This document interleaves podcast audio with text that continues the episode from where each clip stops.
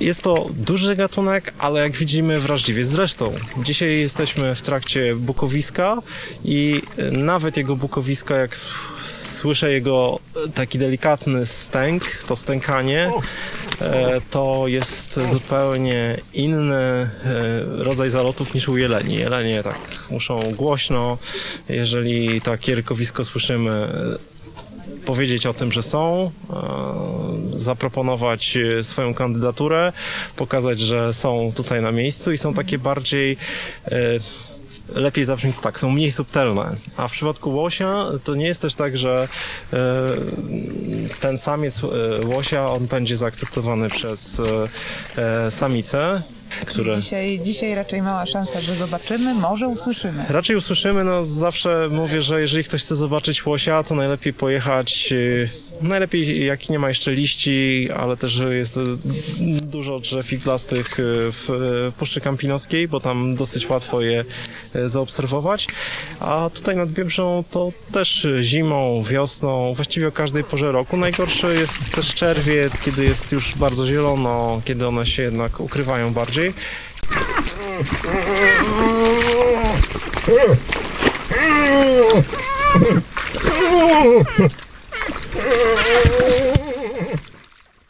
Odgłosy, które słyszycie w tle, to nie żaden stękający staruszek, lecz łoś, starający się o względy samicy. Z Pawłem Średzińskim, miłośnikiem przyrody, dziennikarzem, aktywistą, autorem książki o łosiu właśnie, którą napisał wraz z Piotrem Dąbrowskim, spotkałam się nad Biebrzą w połowie września, w samym środku sezonu godowego łosi, zwanego bukowiskiem. I choć spacerowaliśmy razem dobre kilka kilometrów szlakiem Barwik-Gugny, to niestety tym razem nie udało nam się spotkać tego króla bagien. Dźwięki, które słyszycie, to nagranie udostępnione przez Nadleśnictwo Biłgoraj. No nie mogłam się oprzeć, żeby wam ich nie puścić, bo brzmią niesamowicie, prawda? Łosia może i nie nagrałam, ale za to ucięłam sobie z Pawłem niezwykle ciekawą rozmowę, która jest punktem wyjścia do tematu dzisiejszego odcinka, poświęconego ochronie bioróżnorodności i groźnym dla rodzimej przyrody gatunkom obcym. O tym, czy w przyszłości pochłonie nas nawłoć i o kontrowersjach związanych z wpisaniem domowego kota na listę gatunków inwazyjnych opowie mi Wojciech Solarz, ekspert z Instytutu Ochrony Przyrody Polskiej Akademii Nauk. Nazywam się Barbara Sowa i zapraszam do wysłuchania podcastu Jak naprawić przyszłość? Mecenasem podcastu jest Accenture. E, no, to się odzywa jeleń. Chyba. Coś słychać, coś Tak. słychać. Pamiętasz pierwszego łosia, którego zobaczyłeś na żywo? Na żywo mój pierwszy łoś to był taki łoś, którego ja wykarmiłem z butelki. E, to był Alfred. Właściwie wtedy niepełnoletni. Napisałem do paru parków narodowych i Białowieski się odezwał. I do Białowieskiego trafił z nadbiebrzy mały łoszak osierocony i ja nim się zajmowałem, Alfredem. E, Karmiłem go z butelki, mieszkałem w rezerwacie pokazowym i to było właśnie moje pierwsze spotkanie e, z łosiem, takie bliskie i myślę, że wtedy mnie wzięło już, ja nie chodzę jakoś szczególnie za łosiami, ja te łosie jak spotykam to e, jak widzę gdzieś dalej, no to czekam, obserwuję sobie, patrzę na niego, e, on mnie na ogół nie zobaczy, co najwyżej wyczuje. I to są właśnie takie spotkania kiedy idziemy, funkcjonujemy, kohabitujemy, bardzo lubię to słowo, funkcjonujemy obok siebie, ale też są takie momenty, szczególnie zimą, kiedy łosie schodzą do lasów, e, żerują w soślinach i można je wtedy bardzo łatwo zaobserwować i to jest właśnie ten czas.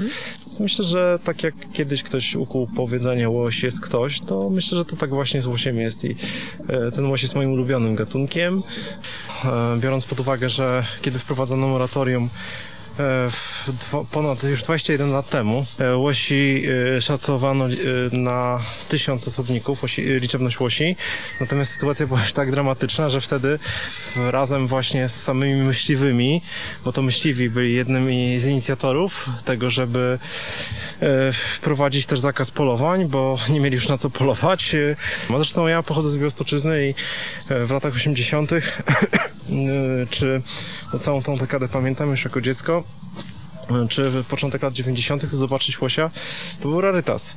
Tutaj, e, na Białostoczyźnie. Owszem, były opowieści o tym, że gdzieś na Czerwonym Bagnie, gdzieś nad Biebrzą są łosie, ale nawet jak się gdzieś łoś pojawiał, to e, dosyć zabawne pojawiały się wzmianki. Kiedy przygotowywałem e, książkę razem z Piotrem Dąbrowskim o łosiu, to trafiłem w lokalnej prasie, bodajże to był z e, lat 70., artykuł e, w jednym z dzienników, że łoś pojawił się, przechodził w okolicy wsi Zwierki.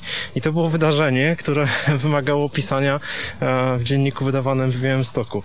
Także łosia wtedy rzeczywiście mieliśmy mało. Teraz tego łosia jest więcej. Może jest go 20 tysięcy, może jest mniej, na pewno nie ma 60 tysięcy, a na pewno nie stwierdzimy y, co do osobnika ile jest łosi, bo po pierwsze występują na zbyt rozległym obszarze, nie da się policzyć takich zwierząt co do osobnika. Ten gatunek pokazuje nam, że bardzo go łatwo możemy doprowadzić na skraj wyginięcia, co stało się na początku XXI wieku zresztą, e, bo przypomnijmy, że po II wojnie światowej też sytuacja łosia była beznadziejna, bo była to garstka e, no naprawdę na e, palcach dwóch, trzech rąk do policzenia łosi, które przetrwały tutaj w rejonie Biebrzy, w niedostępnych ostępach, w rejonie też e, Czerwonego Bagna. Ale po II wojnie światowej wprowadzono też ochronę łosia na pewnym e, etapie i też e, łosie przychodziły ze wschodu. Przychodziły z Białorusi, ówczesnej Białoruskiej Republiki, z Ukrainy a i tam łosi było dużo. Teraz sytuacja się odwraca, jak się okazuje, bo w Ukrainie mamy bardzo mało łosi, i tam dochodzi do tego, że łoś został wpisany w ogóle do Czerwonej Księgi Ukraińskiej Zwierząt, a z kolei w przypadku e, Białorusi też e, ta presja łowiecka jest bardzo duża, tam nie ma żadnych dobrych danych, natomiast e, doszedł niedawno jeszcze płot e, na granicy, który dodatkowo będzie odcinał tę populację, ale role się odmieniły, to teraz polskie łosie idą na wschód i tam zasilają te mocno otrzebione przez myśliwych i kusowników populacje. Tak. Dzisiaj w Polsce najbardziej zagrażał łosiom. Najbardziej, największym zagrożeniem jest e, sytuacja, w której zostanie wznowiony odstrzał.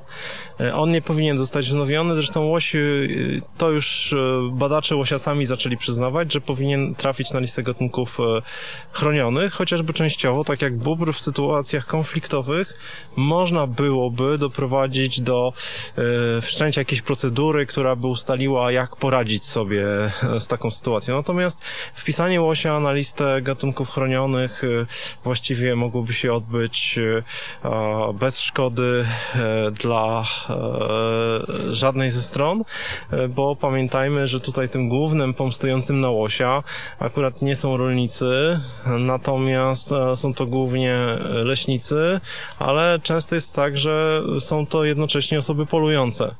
E, I przecież przy każdej próbie wznowienia polowań na łosie mówiło się to samo, że e, wzrośnie atrakcyjność oferty łowieckiej e, w przypadku zaoferowania łosia i sprzedaży polowań e, na łosie. Mówiąc, że łoś zje nam las, e, mija mi się z prawdą, e, ponieważ łoś po pierwsze nie występuje w takich zagęszczeniach i w takiej liczebności, bo liczebność to jedno, zagęszczenia to drugie i to nie jest zwierzę, które występuje przez cały rok w wielkich stadach, tylko e, na ogół jest e, e, mniej towarzyskie niż jelenie, o wiele mniej i jeżeli podgryza, to podgryza sobie. Tam skubnie, tu skubnie, te ślady widać, gdzie łosi się pojawiają, natomiast nie, nie spowodują tego, że lasu nie będzie. To nie jest taki gatunek, który w jakiś sposób się namnaża bez ograniczeń. Musi e, też e, mieć e, siedlisko. Ja lubię mówić dom, chociaż zaraz ktoś mi skrzyczy, że to nie można nazywać tego domem. Ze środowiska naukowego czasami takie głosy się odzywają. Natomiast tak, jest to w pewnym sensie taki gatunek, który rzeczywiście jest wrażliwcem, pomimo swoich wielkich rozmiarów. On jest bardzo wrażliwy na odstrzał i ten odstrzał jest tym pierwszym zagrożeniem. Ale pojawiają się też inne zagrożenia. Jednym z zagrożeń, które w Polsce nie było brane pod uwagę, e, to są zmiany klimatu.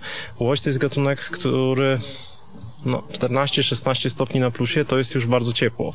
E, U nas są upały i też tutaj nawet jak w upalne dni jest się nad Biebrzą i można zaobserwować czasami łosie, które siedzą w cieniu, wchodzą w te takie cieniste olsy w ciągu dnia, w skwarny dzień, próbują się ochłodzić, próbują e, znaleźć cień. I e, takie mm, tendencje obserwowane są już chociażby w Ameryce Północnej, gdzie te łosie najbardziej południowe zaczynają też znikać pod wpływem zmian klimatu. Co więcej, okazuje się, że to też toruje drogę e, chociażby e, większej inwazji kleszczy i większych e, problemów łosia związanych z tym powodem. Wreszcie powodem klimatycznym. Wreszcie mamy tę wyspę, o której wspominałem, czyli jesteśmy taką populacją wyspową. No i też pamiętajmy, że w Polsce jeszcze łosie mają sporo miejsca, bo one dopiero teraz zaczęły przekraczać tą taką magiczną granicę e, zachodniej, na zachód od e, Wisły, tak? E, Czyli zachodniej Polski. Bo dotychczas przyjmowało się, że Wisła była taką granicą. One wracają tam, gdzie kiedyś występowały. Często wracają po wiekach. Zresztą w Warszawie ten sam fenomen. E, Tu trzeba zauważyć, że e, w Warszawie też e, mamy wyjątkowe łosie, bo mieliśmy łosie introdukowane, e, wprowadzone do Puszczy Kampinoskiej e, jeszcze w czasach PRL-u i stamtąd ta populacja też zaczęła e, zasilać kolejne obszary na terenie Polski i to była ta populacja na zachód od Wisły. Oczywiście w Warszawie też spotkamy łosie ze wschodu, które przychodzą od strony lasów Mazowieckiego Parku Krajobrazowego i to dochodzi do takiego spotkania tych bardzo, bardzo różnych grup łosi. E, I zaczynają się pojawiać też e, coraz bardziej na zachód, coraz bardziej na południe.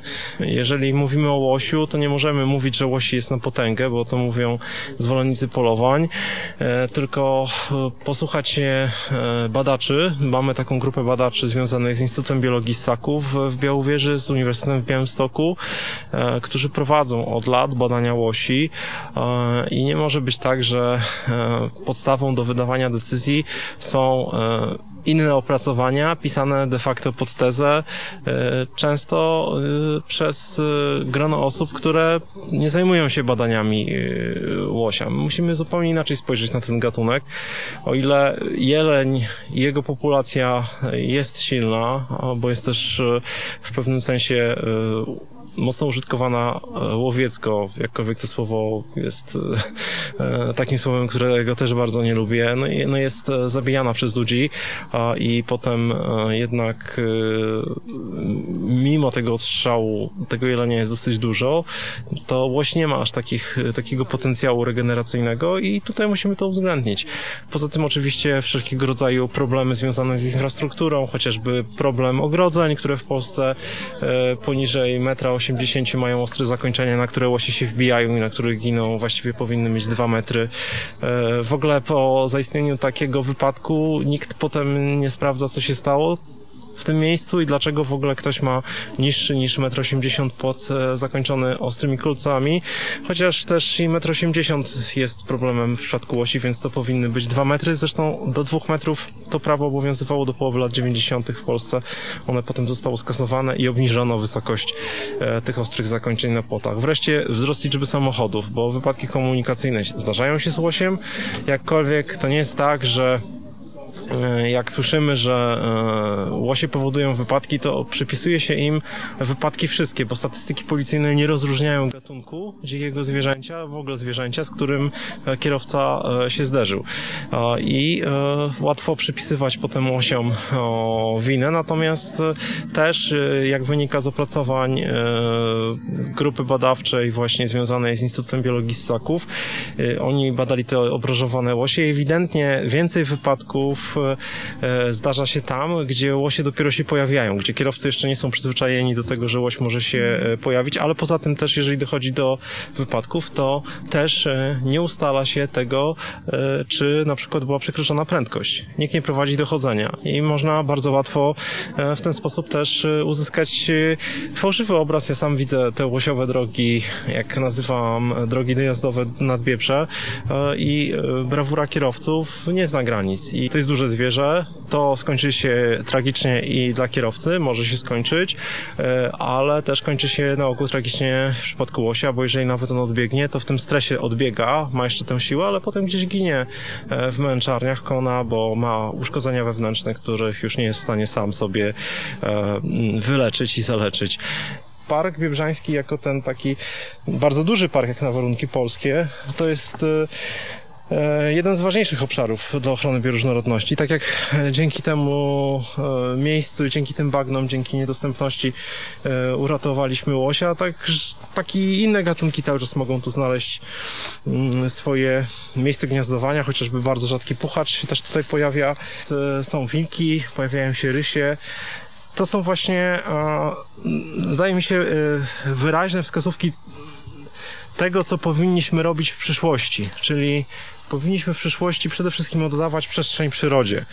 Przestrzeń przyrodzie, gdzie e, możemy e, pozwolić lasom w sposób spontaniczny się odtwarzać, a nie sadzić tych lasów, e, gdzie możemy poprzez ekstensywne użytkowanie łąk też utrzymywać te ważne siedliska dla gatunków związanych z terenami otwartymi. Czy wreszcie możemy też w tym przypadku doprowadzić do tego, że na tym obszarze nie powstaną żadne inwestycje szkodliwe, że ten obszar będzie rzeczywiście wyłączony, ale też zatrzymać wodę, zaczopować rowy melioracyjne, e, od, od, odtwarzać e, torfowiska. Wydaje mi się, że wśród tych wielu rzeczy, które możemy zrobić, to jest istotne, żebyśmy też e, podjęli taką dyskusję na temat tego, czy we wszystkich lasach musimy prowadzić wielofunkcyjną gospodarkę leśną, jak to się nazywa, bo nie można pogodzić i wyrębu lasu, i funkcji związanych z ochroną przyrody i rekreacji. Natomiast możemy na przykład e, takie lasy pozostawić jako otwarte dla ludzi, ale nie tworzyć tam dróg, tylko pozwolić na taką przygodę, na dotknięcie tej przyrody, bo i tak na takie wejście w gąszcz, w głusze e, zdecyduje się zdecydowanie mniej osób, jeżeli nie mogą dojechać tam samochodem i muszą e, per pedes e, podążać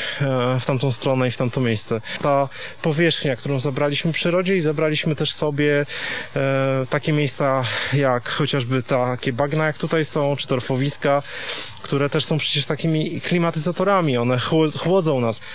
Więc wydaje mi się, że tutaj to jest e, bardziej chyba e, czas już taki, e, żeby zastanowić się nad tym, ile właśnie tej przyrodzie możemy terenu oddać, no i też jak zarządzać tymi gatunkami, bo rzeczywiście cały czas mamy 13 gatunków ptaków na liście gatunków e, łownych, wśród nich jarząbek, który e, nie powoduje tak zwanych szkód i nie jest gatunkiem konfliktowym. No mamy tutaj szereg y, takich e, problemów, które cały czas e, się pojawiają, chociażby łyska, taka bardzo sympatyczna, e, e, pływająca często po wodzie, czarna z w takim białym dziobem i czołem. Mm, e, Łyska, która rzeczywiście e, jest też gatunkiem łownym, chociaż sami amatorzy dziczyzny e, przyznają, że nie jest smaczna, no ale się poluje. A jej liczebność spada, czyli w Polsce, jeżeli chodzi o populację lęgową. Czyli mm, to, co nam się wydaje, że mamy mm, i mieliśmy, no to niekoniecznie musi być cały czas, tak? I to jest rzeczywiście ten duży problem, z którym wydaje mi się, że mamy, musimy się zmierzyć, tak? Szacuje się, że obecnie co roku wymiera od 5 do 50 tysięcy gatunków zwierząt i roślin, czyli średnio 1000 lub nawet 10 tysięcy razy więcej niż miało to miejsce przed nasileniem się wpływu ludzkiej cywilizacji na ekosystem Ziemi. O kryzysie bioróżnorodności pisaliśmy na naszych łamach wielokrotnie. Choćby w ostatniej części cyklu Ziemia, czyli reportaży multimedialnych, ochronie bioróżnorodności poświęcone były również podcasty z cyklu Apropo oraz premiera pisma. Linki do tych wszystkich materiałów znajdziecie w opisie odcinka. Ja tymczasem w dzisiejszym podcaście chcę podjąć wątek, który nie wybrzmiewa w tej dyskusji tak często. No bo mówimy o zagrożeniach dla tysięcy gatunków i ich siedlisk, jakie niosą ze sobą niezrównoważone rolnictwo i leśnictwo, czy też rozrost miast albo zanieczyszczenia powietrza. Ale różnorodności gatunkowej zagraża też inny aspekt nieodpowiedzialnego zachowania człowieka. Jaki? Posłuchajcie rozmowy z Wojciechem Solarzem, naukowcem z Instytutu Ochrony Przyrody Polskiej Akademii Nauk, który od wielu lat bada przyczyny, skutki i rozwiązania problemu inwazji biologicznych obcych gatunków. Naszą rozmowę zaczęłam od pytania o to, czy tak zwane szóste wielkie wymieranie będzie też oznaczało koniec ludzkości.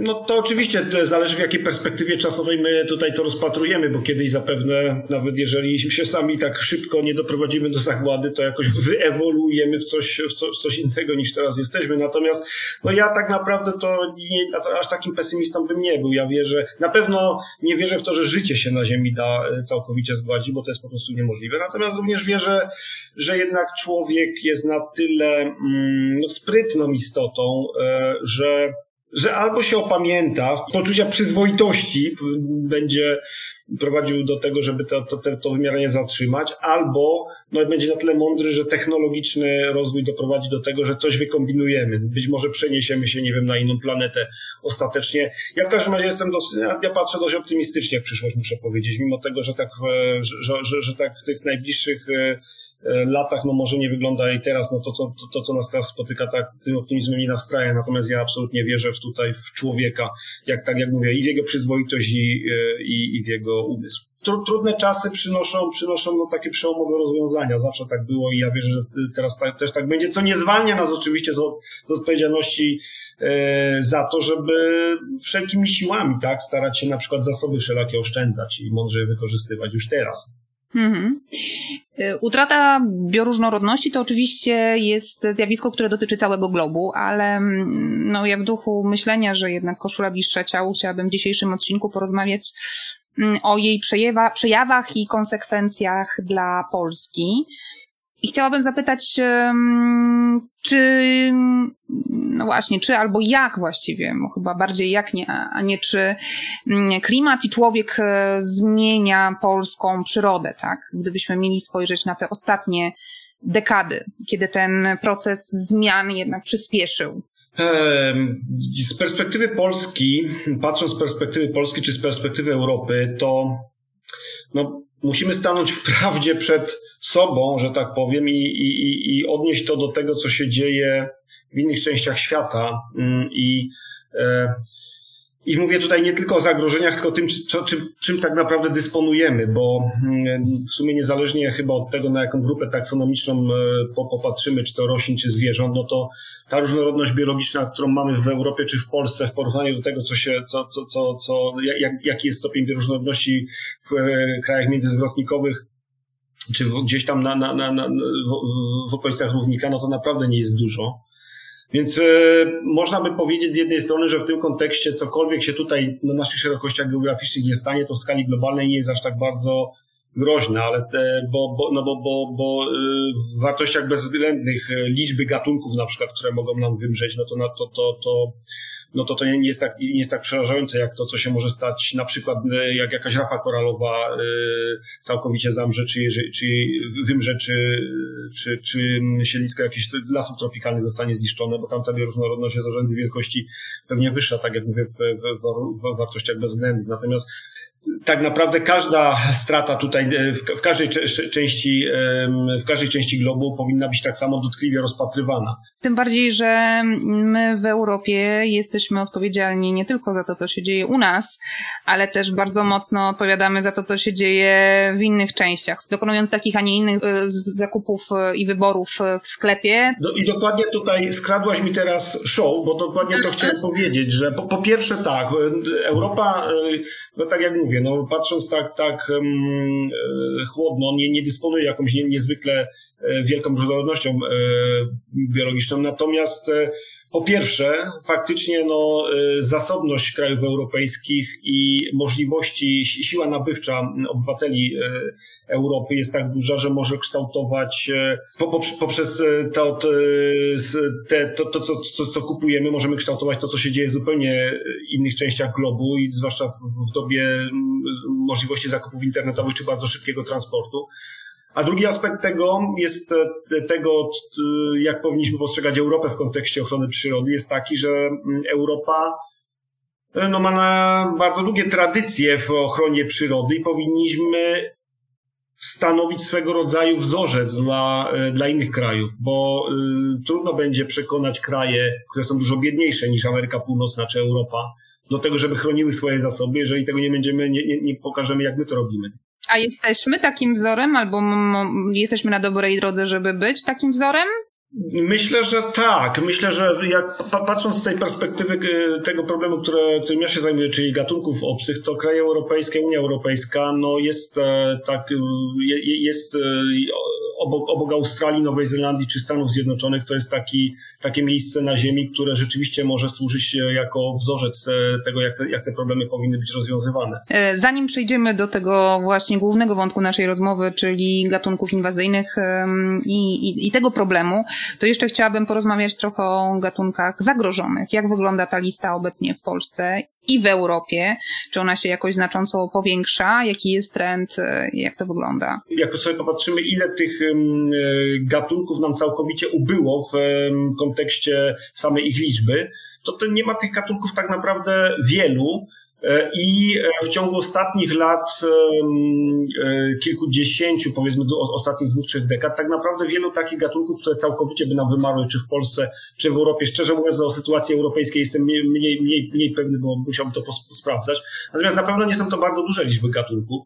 Co więcej, są takie gatunki, które, które w, w tych ostatnich dekadach na skutek no, różnych mechanizmów albo, albo wzięcia pod ochronę tych gatunków, tak jak w przypadku łosia, albo tego, że te gatunki w jakiś sposób się, się przyzwyczaiły do, do, do wpływu, um, do różnych przejawów negatywnego wpływu człowieka, bo są to gatunki sprytne, takie jak wilk na przykład, um, czy też czasami zupełnie nie wiemy dlaczego.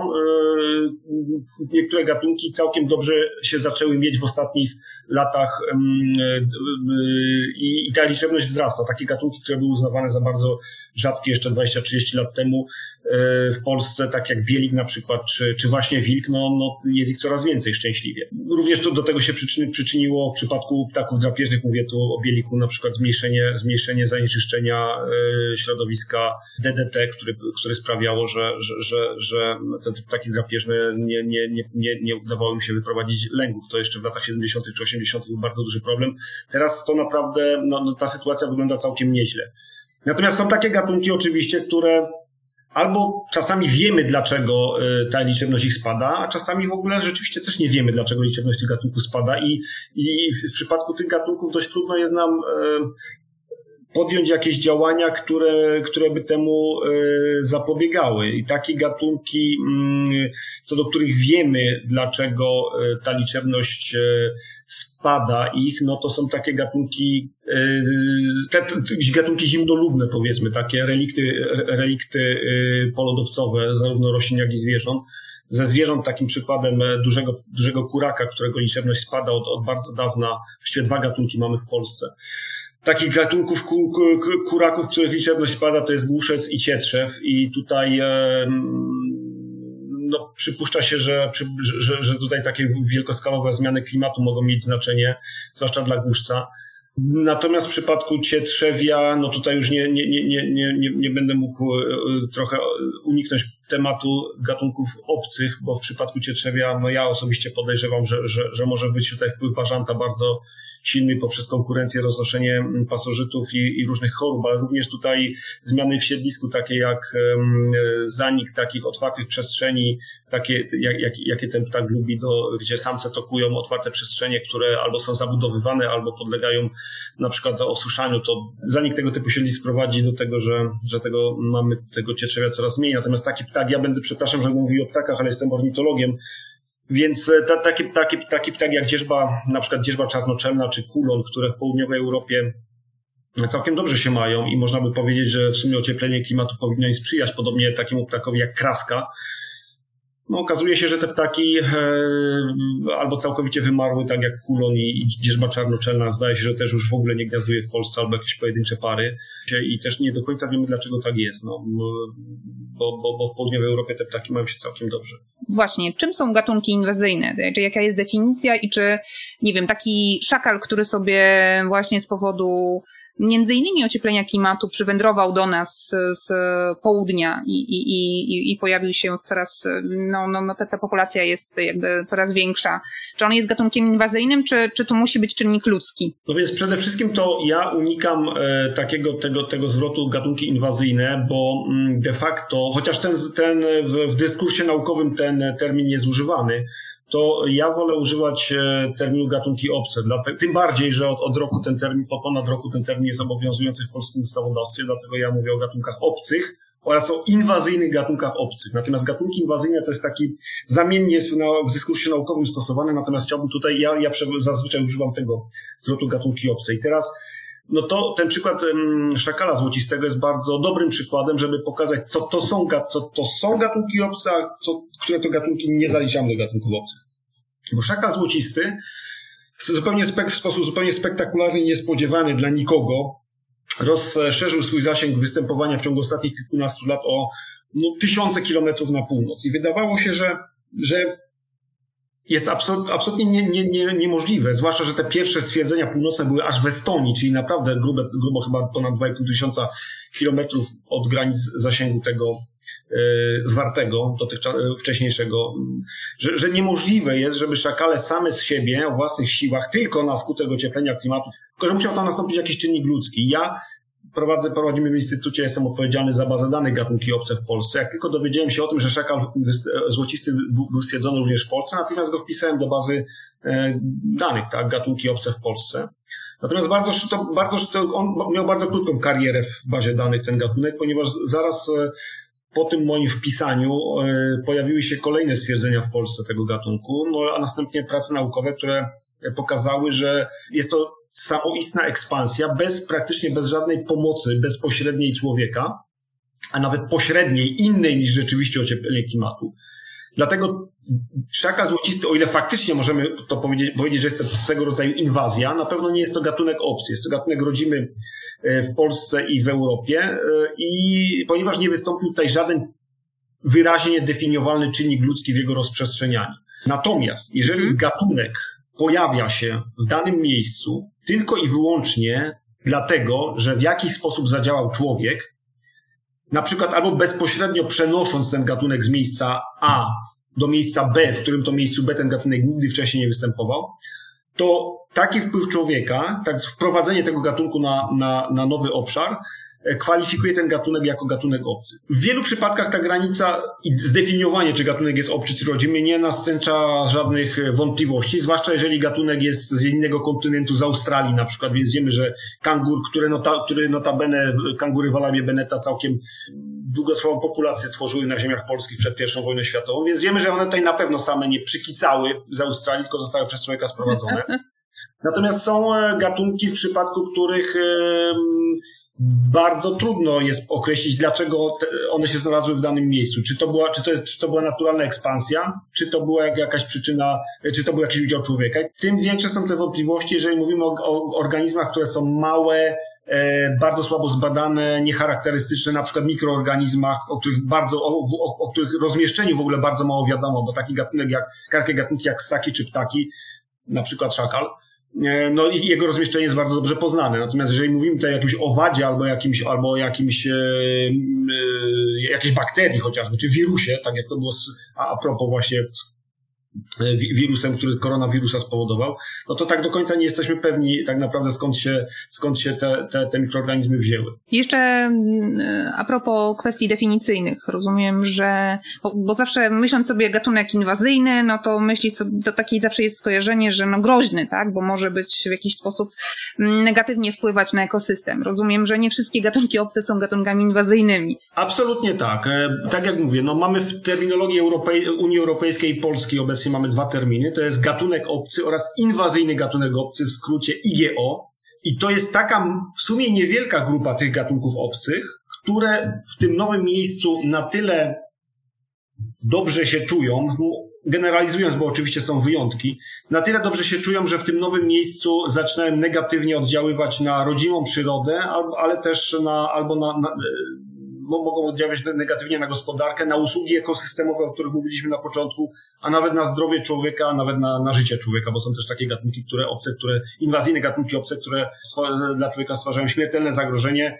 Głośny przypadek sprzed paru lat pani, która zmarła na skutek poparzenia barszczem sosnowskiego w Polsce, to, to, to jest przykładem, no, że, że to nie jest tak całkiem wyssane z palca nawet w warunkach naszego kraju.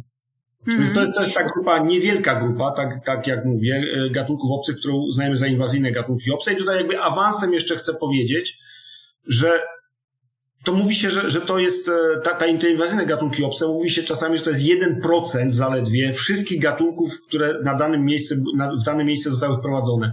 Bo 90 tych gatunków e, w ogóle nie przeżywa, a spośród 10, które przeżywa na nowym miejscu, 9 jest tam niezbyt szkodliwy, natomiast jeden jeden gatunek czy 1% ze 100 e, no, negatywnie oddziaływuje, więc jest uznawany za inwazyjny gatunek obcy. 99% tych gatunków jest e, albo nieszkodliwych, albo wręcz, wręcz pożytecznych. No bo musimy tutaj pamiętać o tym, że no, czy to tradycyjny polski wigilijny karp, e, czy ziemniaki, czy kukurydza, czy, czy kurczaki, tak, no to są wszystko gatunki roślin i zwierząt, które do Polski zostały sprowadzone z innych e, stron świata i podobnie jest na całym świecie. Kilka gatunków mm, roślin i kilka gatunków zwierząt, które są absolutnie podstawą bytu człowieka na całym świecie. To są gatunki obce, które zostały wprowadzone poza zasięg swojego naturalnego występowania i są uprawiane albo hodowane. I bez, bez niego, no, e, no być może bez tych gatunków ludzkość by już naprawdę wymarła z głodu, szczerze powiedziawszy. A przynajmniej nie, było, nie miałaby tak smacznych świąt Bożego Narodzenia, czy Wielkanocy, no bo w końcu jajka e, kurze też są, są, są od gatunku obcego. Dzisiaj chciałabym jednak chyba się skupić na tym jednym procencie, a, a przynajmniej wspomnieć o takich najważniejszych um, przedstawicielach fauny i flory, które mogą być groźne, bo mm, i, i w jaki sposób one trafiają do nas, bo e, jak się przygotowywałam do dzisiejszego odcinka, to natrafiłam na przykład na historię żółwia jaszczurowatego. Tam jakaś fenomenalna, fenomenalna w cudzysłowie oczywiście, A. historia duchownego, który... Gdzie, gdzie na to natrafiłaś, bo... W jakimś dokumencie występował dyrektor zoo tak, pan Hrynkiewicz. Ja od niego tą historię znam i potem ją, że tak powiem, w ogóle to, to czym ja się zajmuję jest absolutnie fantastyczne, fantastyczną dziedziną nauki, a takiej nawet, no, czasami to ma więcej wspólnego z takim śledztwem detektywistycznym, jeżeli mogę powiedzieć o tym żółwiu. Bo to miało naprawdę to, to takie znamiona śledztwa prowadzonego przeze mnie. No, zacznę od początku. Do zoo warszawskiego trafił, trafiła jakaś osoba z jajami żółwia w pudełku, które to te jaja częściowo były już wylęgnięte i ta osoba przyleciała ze Stanów Zjednoczonych i została zaopatrzona w te jaja, to było około roku 2000. Została zaopatrzona w te jaja w, przez Polonusa, który w Stanach Zjednoczonych właśnie osobom powracającym do Polski przekazywał zagrzebane w trocinach jaja żółwia jaszczurowatego, północnoamerykańskiego gatunku i dawał im taką instrukcję, którą zatytułował Ubogacanie środowiska przyrodniczego w Polsce, gdzie pisał, że e, środowisko żółwi w Polsce jest, właściwie mamy jeden gatunek żółwia tylko w Polsce, a ten żółw właśnie, którego on nazywał żółwiem kłapaczem, jego polska nazwa to jest żółw jaszczurowaty, ale ten kłapacz to jest bardzo dobra nazwa, bo on jak kłapnie, to może ukłapać, uciąć palca. No, no i właśnie po pierwsze, że, że, żeby to urozmaiciło środowisko i że ten żółw też taką ważną pełni rolę w środowisku, bo na przykład padliną się żywi. No i była tam instrukcja, że te jaja należy, te pudełka z jajami należy zakopywać na nasłonecznionym zboczu i, e, i, no i dzięki temu się tych, e, te żółwie będą wylęgały i żyły. No i ja tak to śledztwo trwało tak w sumie z przerwami moje przez kilka lat i dzwoniłem przez, do, do bardzo wielu osób i rzeczywiście natrafiłem na takie, mm, te, bo, bo była też podana lista osób, które e, którym ten, e, ten, ten pan dawał, dawał te, te jaja żółwi w, w jednym z lat. Więc myśmy ocenili, że, że, że tych że być może nawet do Polski trafiło w ten sposób, zakładając, że to było robione przez kilka lat, bo tak to wynikało z tego, z, tego, z, tego, z tej krótkiej instrukcji, i to mogło trafić nawet kilka tysięcy jaj tego żółwia, szczerze mówiąc. No i ja trafiłem do, do, w zasadzie do jednej albo dwóch osób, e, które rzeczywiście, którym te rzeczywiście te żółwie się wylęgły w czasie transportu. Jedna z tych osób mieszkała w okolicach, mm, w województwie opolskim, w okolicach, w okolicach e, zapomniałem, rzeka Osłoboga, zapomniałem, to było koło rzeki Osłobogi, Głogówek, to tam coś nazywa Głogówek. E, I rzeczywiście te żółwie im się wy, wylęgły i one, oni nie wiedzą, co, co z tym robić, to po prostu je wypuścili do lasu, tak? Więc te żółwie, one są zdolne do, do przeżycia klima, e, zimy w Polsce, natomiast e, i niewykluczone, że te żółwie gdzieś tam, one to jest gatunek dość trudny do, do zaobserwowania, więc niewykluczone, że te żółwie gdzieś tam faktycznie przeżyły z tych, gdzie, gdzieś w Polsce przeżyły, dlatego no, my zbieramy wszelkie informacje na temat tego, na temat tego typu obserwacji chociaż czasami to takie rzeczywiście są sensacje medialne w sezonie ogórkowym. Natomiast no, było kilka obserwacji do tej pory żółwia, dorosłych żółwi jaszczurowatych w Polsce. No nie jest powiedziane, tak, nie, trudno tutaj, e, raczej większe prawdopodobieństwo jest takie, że ktoś te żółwie, jakiś hodowca te żółwie sobie kupił i je po prostu nie mówimy uwolnił, absolutnie tutaj nie używamy słowa uwolnił, tylko mówimy po prostu o, o, takim bezwzględnym i nieodpowiedzialnym porzuceniu tego zwierzęcia domowego, podobnie jak porzuca się psa, kota czy każde inne zwierzę domowe. To, to było po, po prostu karygodne porzucenie tego żółwia w środowisku przyrodniczym. No i mm, co najmniej dwa z tych żółwi zostały odłowione, jeden, jeden w Gdyni, e, czy tam w Trójmieście, a drugi, a drugi w Kutnie przez mojego e, kolegę z Fundacji Epikrates, Bartka Gorzkowskiego z Fundacji Epikrates w Lublinie. No i, i, i to jest jeden z takich e, Jeden z takich sposobów przedostawania, w jaki, dlaczego te gatunki się dostają do środowiska przyrodniczego. Ale rozumiem, że większość tych e, sposobów to raczej mniej spektakularne historie. No tak, to, to zdecydowanie jest najbardziej spektakularny przykład, jaki znam. To uwielbiam opowiadać tą historię. Natomiast wy, wyróżniamy kilkadziesiąt, powiedzmy, że czterdzieści kilka sposobów e, tego, jakie gatunki, jak, na jakie, sposobów, w jakie gatunki przybywają za sprawą człowieka na nowe rejony. No i tak bardzo zgrubnie to dzieląc, to, są, to jest albo przypadkowe zawlekanie, jak to mówimy, tych gatunków, także człowiek czasami w ogóle nie, nie wie o tym, że jakiś gatunek e, sprowadził i, i, i ten gatunek znalazł się w środowisku przyrodniczym. Przykładem takiego, no może nie, nie najważniejszym, ale dość, dość, spektakularnym przykładem takiego zawlekania jest przy, przy przywiezieniu jakiejś niechcianej pamiątki z wakacji gdzieś w tropikach. Także otwieramy walizkę i widzimy tam na przykład kamerona albo skorpiona. No i to oczywiście, tak jak mówię, to są takie czasami takie sensacje, natomiast z czasem z tych sensacji E, jak się, jak się odpowiednią liczbę tych sensacji już zbierze, a mam ich naprawdę dużo, to faktycznie e, bardzo zaskakujące scenariusze mogą, mogą wynikać.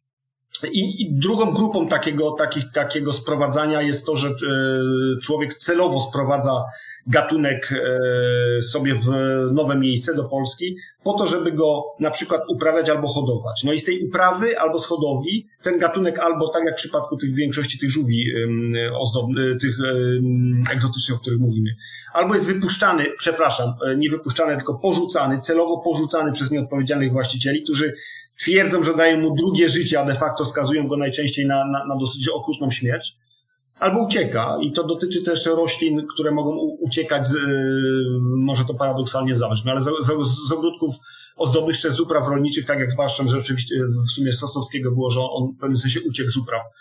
Mm, I to jest taki drugi sposób e, tego przenoszenia gatunków w nowe miejsce. I trzeci sposób to jest taki, że człowiek w zasadzie w ogóle nie dotyka, szczerze mówiąc, w ogóle nie ma czegoś takiego jak bezpośredni transport, tylko likwiduje jakąś barierę, barierę, która izolowała, uniemożliwiała danemu gatunkowi przemieszczenie się e, poza obszar, na którym dotychczas występował. I przykładem w Polsce takiego, takiego, takiego, e, takiej likwidacji bariery było wybudowanie kanału łączącego do rzeczy Morza Czarnego, zlewisko Morza Czarnego ze zlewiskiem Morza Bałtyckiego.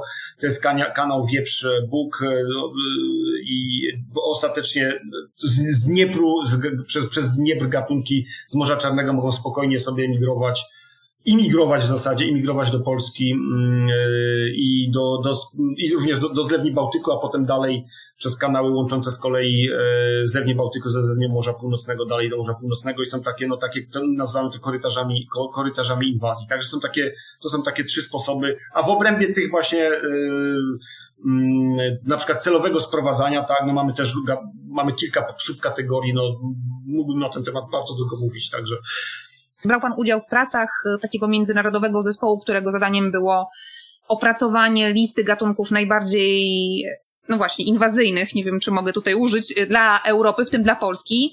I no, gdybyśmy mieli wyliczyć które z tych gatunków są, co się znalazło na tej liście i które z tych gatunków są najbardziej niebezpieczne. O barszczu szosnowskiego y, y, pewnie większość osób, większość słuchaczy wie, no ale pewnie są takie gatunki, które niekoniecznie są nam znane. Tak, no miałem ten e, zaszczyt wątpliwą przyjemność może, bo, no bo, bo, bo też muszę, trudno mi sobie wyobrazić, tak szczerze mówiąc, no mówię subiektywnie, jakiś bardziej interesujący aspekt e, w ochronie przyrody i bardziej skomplikowany, dlatego że e, po, począwszy od, od ściśle naukowych e, aspektów tego badania tego zagadnienia, bo zajmujemy się też czystą nauką, tak, badamy dlaczego niektóre gatunki stają się groźne, dla, a inne nie poprzez implementację tych osiągnięć naszych naukowych do praktyki, tak jak, jak, jak, jak tworzenie takich, takich wiz, o których, o których wspomnieliśmy, to jest tutaj bardzo dużą rolę odgrywa tutaj czynnik ludzki. Może trochę o tym wspomniałem, tak, o, o tym, że że no, wiele, wiele z tych gatunków jest, na, jest nam bliskich, dlatego że je po prostu no, skorzystamy z tych gatunków w, w różny sposób. Mówiłem o takich gatunkach, które zjadamy, tak? O, o... Albo takich, które hodujemy i możemy pogłaskać. Przepraszam, że wejdę w słowo, ale po prostu przypomniałam sobie, że przecież kot został uznany za gatunek inwazyjny. Moja, nie chwaląc się, moja to, zas, moja to zasługa, tak? No to, to kot, kot jest przykładem takiego gatunku, który, co do którego absolutnie trudno się dziwić, tak? że człowiek ma tak bardzo duży emocjonalny stosunek do, do, do, do takich e, gatunków, do, do wielu z tych gatunków, no bo to są gatunki ładne, przyjazne, od, niektóre z nich od bardzo dawna są związane z człowiekiem, choćby ptaki, różnego rodzaju ptaki egzotyczne, czy ssaki ozdobne, czy tak samo rośliny. No większość, bardzo wiele tych roślin zostało sprowadzonych do uprawy dlatego, że są bardzo ładne gatunki. Podobnie no, w, w zasadzie w każdej grupie taksonomicznej są takie, takie gatunki, które są bardzo ładne. No to się wiąże z tym, że jest to bardzo, to, to zagrożenie dla przyrody, mimo tego, że jest naprawdę absolutnie skrajnie, skrajnie ważne, jest albo ignorowane, albo wręcz mówi się, że, że, że nie możemy, tak, że nie możemy tak, nazwać tego zagrożeniem, tak? I to, to też jest z jednej strony zupełnie zrozumiałe. Jest to właśnie taka specyficzna sytuacja, że o ile bardzo łatwo nam jest zająć jednoznaczną postawę wobec e, niszczenia siedlisk, takiego jak tam, nie wiem, zanieczyszczenie rzek, wycinanie lasów, o, czy mm, śmieci w lesie, czy recykling, czy oszczędzanie, czy, czy, czy zanieczyszczenie powietrza, to są bardzo jednoznaczne, tutaj trudno polemizować, tak, że ktoś powie zanieczyszczenie rzek jest jednak bardzo dobre, tak, lubimy mieć te fenole w rzekach. Natomiast w przypadku gatunków obcych to jest jedyne mi znane zagrożenie, które, które jest przez część, dużą część e, społeczeństwa, tak jak mówię, wypierane i nie, nie, nie dopuszcza się tej myśli, że pewne gatunki mogą stanowić zagrożenie, są niepożądane. No, nie chcę tutaj używać na analogii tak, do, do różnego rodzaju innych doktryn, które były w przeszłości stosowane, ale, ale często się porównuje to tak, z jakimś, z jakimś e, szowinizmem gatunkowym na przykład. To, że my uznajemy jedne gatunki za lepsze, drugie za e, inne e, za, za, za gorsze. Wcale tak nie jest tak naprawdę. Mówimy, że jedne gatunki są, wszystkie gatunki są takie same. To ani, ani lepsze, ani gorsze. Niektóre są po prostu niebezpieczne dla naszych gatunków, czy dla gospodarki, czy dla zdrowia człowieka i to jest absolutnie, to też chciałem podkreślić, zero w tym winy tych gatunków, tych biednych gatunków, które zostały tu sprowadzone, w ogóle nie wiedząc o tym, że są sprowadzane, wbrew swojej woli i zostały tu wypuszczone i żyją, po prostu próbują jakoś sobie dać radę. To na przykładzie tego kota pokażmy. No bo jak taki kot, który nam mruczy i, i, i umila dzień, może być gatunkiem inwazyjnym? Ten kot, który nam siedzi na kolanach i mruczy, absolutnie nie jest gatunkiem inwazyjnym. Jest gatunkiem obcym, ale nie jest inwazyjnym gatunkiem obcym, taki osobnik przynajmniej. Natomiast proszę tego kota wypuścić wieczorem, tak? I w wielu przypadkach potem zobaczyć, co leży na, e, na wycieraczce. No naprawdę e, bardzo trudno jest zaprzeczyć temu, że te koty wychodzą sobie na zewnątrz wieczorem i jedzą, nie wiem, owoce e, w ogrodzie, maliny albo, nie wiem, jeżyny. Przecież wiadomo, że kot poluje i żadna w tym jego wina, tak? Absolutnie nie ma tutaj co winić kotów, tylko należy winić właścicieli, którzy no wydaje mi się, no z premedytacją to może za dużo powiedziane, ale no jednak trudno mi powiedzieć, że inaczej niż z pełną świadomością, tak, wypuszczają tego kota, wiedząc o tym, że ten kot przyniesie gatunki e, płazów, gadów, e, ptaków czy ssaków. Może rzeczywiście nie, e, wiele z tych gatunków nie jest, nie jest zbyt zagrożonych w Polsce, ale to są w większości gatunki prawnie chronione w Polsce. To są gatunki chronione prawnie i no, ja nie jestem prawnikiem, tak, więc ciężko mi tutaj jakby znaleźć, e, po, po, po, powiedzieć, że ktoś jest odpowiedzialny ze strony prawnej za to, że jego kot zjadł jakiś gatunek chroniony, ale nie wiem, czy tak nie można powiedzieć. To, że kot jest gatunkiem obcym w Polsce czy w ogóle w Europie, no Moim zdaniem nie podlega żadnej dyskusji. Kot domowy został, u, to jest, to jest takson w, pewnego, w pewnym sensie stworzony przez człowieka, on powstał ze skrzyżowania wie, kilku taksonów, być może nawet siedmiu, więc zasadniczo nie ma czegoś takiego jak zasięg naturalny kota. To, że mówi się, że, że koty gdzieś tam w Persji czy w, w Egipcie były udomowione ileś tam tysięcy lat temu, to prawda, Natomiast to, te, te, te, to było, już wtedy to nie, były, to nie był żaden gatunek e, dziki, tylko to były, to były hybrydy, więc to jest, czyli krzyżówki międzygatunkowe. To jest gatunek sztucznie stworzony przez człowieka i wszędzie, gdzie ten kod nie występuje na świecie, mm, jest gatunkiem obcym.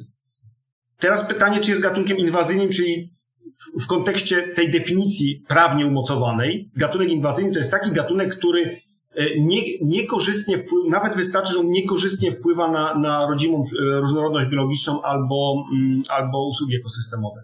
No trudno powiedzieć, że kot nie wpływa niekorzystnie na, na rodzimą przyrodę, jeżeli on rzeczywiście ujmuje z tejże przyrody po kilka osobników gatunków chronionych. Mówi się tak, te, te, te szacunki, które mówimy, e, bardzo niedokładne zapewne, ale, ale te, te rzędy wielkości, które, które są oceniane dla Polski, mówią o setkach tysiącach zabitych osobników, tak, e, ptaków czy ssaków. Jeżeli my doprowadzimy do tego, że, że, że zostaje ścięte drzewo, na którym jest gniazdo, tak, i, i, i na którym są pisklęta, ponosimy odpowiedzialność. Jeżeli kot, nasz kot wejdzie na to samo drzewo i zje te pisklęta, w zasadzie właściciele mówią, że to jest natura kota, nie ma problemu. Jesteśmy absolutnie otwarci na, na, na wszelką dyskusję na temat tego, w jaki sposób ten problem ograniczyć.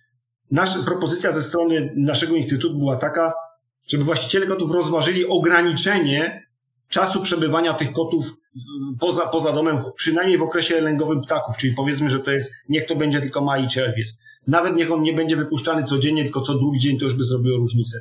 No jak e, pani zapewne wie, no spowodowało to ogromną burzę w mediach. Inna sprawa, że to zostało e, źle przekazane przez niektóre media, które, które e, przekazały to w taki sposób, że, my tu, że, że należy koty zwalczać. Absolutnie nic takiego nikt z nas nie powiedział i, i jeszcze raz przy każdej okazji to podkreślam, że, że karygodne byłoby wykorzystywanie tych wyników tego, co my robimy do jakichś nieusprawiedliwionych E, nieautoryzowanych prób e, ograniczania liczebności kotów, bo, bo to nie o to chodzi. Natomiast jesteśmy absolutnie otwarci na współpracę w zakresie tego na przykład w jaki sposób ograniczać e, bezdomność kotów, bo czy, czy w jaki sposób ten, ten czas przebywania kotów poza warunkach niekontrolowanych zmniejszyć, bo to tak naprawdę no, w dużym stopniu to jest trochę tak zepchnięcie, mm, zwolnienie właściciela tego kota z odpowiedzialności za to, co, co, co ten kot robi, tak, że kot, no nudzi się kot, no to go trzeba wypuścić, bo chce wyjść no, znam bardzo wielu i miałem też bardzo wiele, mieliśmy głosów, głosów poparcia od właścicieli, właścicieli kotów, którzy poczuli się, oni się najbardziej poczuli pokrzywdzeni tak naprawdę tą nagonką. Właścicieli kotów, którzy kotów nie wypuszczają albo, albo wychodzą z nimi na smyczy,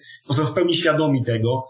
I, i, e, I oni najbardziej czuli się pokrzywdzeni tym, że, że oni są traktowani e, tak samo jak ci właściciele kotów, którzy absolutnie nie, nie, nie chcą ponosić jakiejkolwiek odpowiedzialności za to, co robią ich koty ale i tak wiem, że po tym, po tym, po tym jak się ukaże to, co teraz mówię, nie wiem, jak, jak bardzo łagodnie próbowałbym to powiedzieć i jak bardzo szeroko bym ramiona swoje otwierał i, i, i na chęć współpracy z, z kimkolwiek, kto by chciał merytoryczną dyskusję podjąć, no to i tak na pewno no to, to, to wiele komentarzy może być takich mało przychylnych, ale zdążyłem się już do tego przyzwyczaić. Także. Myślę, że, że otwieranie dyskusji zawsze jest cenne, ale wróćmy teraz e, do tej szerszej listy, na której jest więcej gatunków. Po pierwsze, co to są jeszcze za gatunki, mhm. takie, które rzeczywiście mogą być groźne z punktu widzenia Polski czy Europy.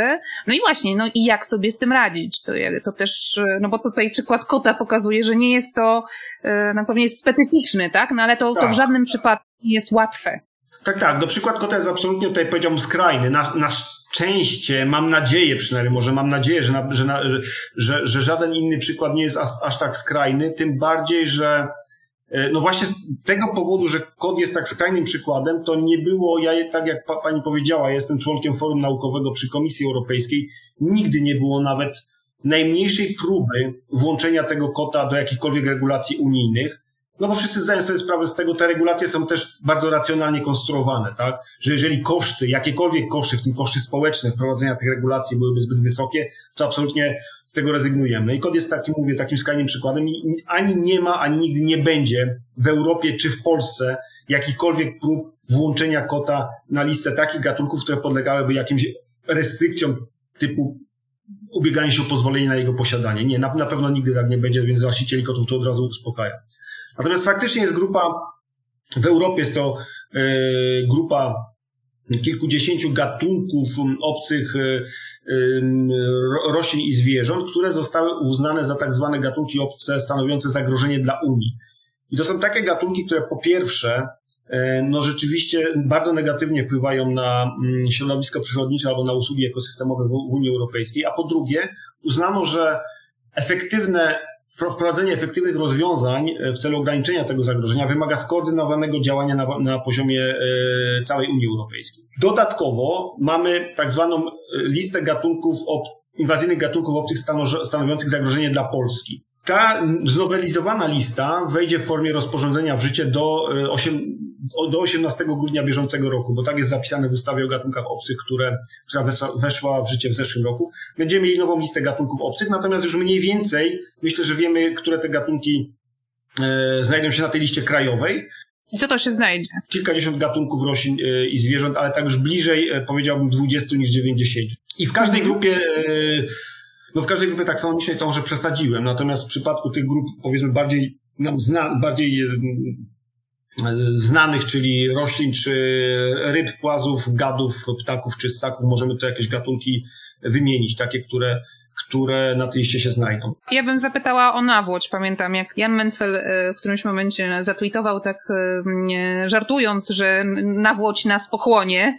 I oczywiście był to żart, ale no taki trochę z gatunku humoru, bo ja bardzo dużo, po czasie pandemii bardzo dużo podróżowałam po Polsce, chodziłam po różnych chaszczach, łąkach, e, ugorach i naprawdę, no tak, nawłoć nas pochłania. To, to faktycznie nawłoć, to też jest ciekawy przykład, dlatego że to jest moim zdaniem absolutnie najbardziej spektakularna inwazja obcego gatunku, które, którą możemy tak obserwować bez trudu, bo faktycznie w okresie od e, połowy sierpnia, chociaż, e, chociaż Niemen śpiewał mimozami, czyli nawłociami, jesień się zaczyna, to tak naprawdę ona się zaczyna teraz już w połowie sierpnia, bo nawet wcześniej, aż do, do teraz, bo nawet dzisiaj widziałem jakieś kwitnące nawłocie.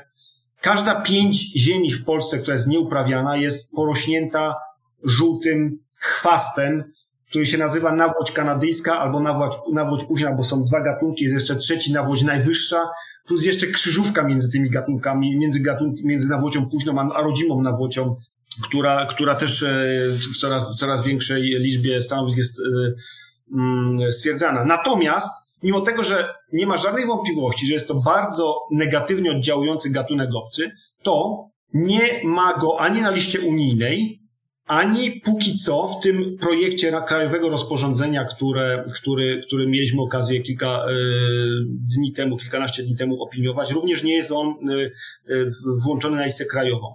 Dlaczego? Wydawało się, że skala inwazji jest tak gigantyczna i tak niepowstrzymana, że w zasadzie nie ma o co kruszyć kopii. Że nie, cokolwiek my, nie, my nie, nie, jakiekolwiek my ograniczeń nie wprowadzimy, to i tak nie da się z tym nic zrobić. Natomiast to, co my obserwujemy, to po ośmiu latach od poprzednich badań, które przeprowadzałem w Karpatach, e, pojechałem w te same miejsca, w których nawłoci było wówczas bardzo mało. Bo nie wiedzieliśmy, czy to, że wówczas te 6-8 lat temu tej nawłoci jest mało, to jest tylko taki wycinek czasowy i za chwilę ona już będzie, czy rzeczywiście to jest sytuacja stabilna, na przykład warunkowana trudnym, trudnymi warunkami klimatycznymi, e, zim, mrozami i, i pokrywą śnieżną I, i też tak naprawdę sposobem użytkowania przestrzeni, bo w górach tak naprawdę bardzo mało jest nieużytków.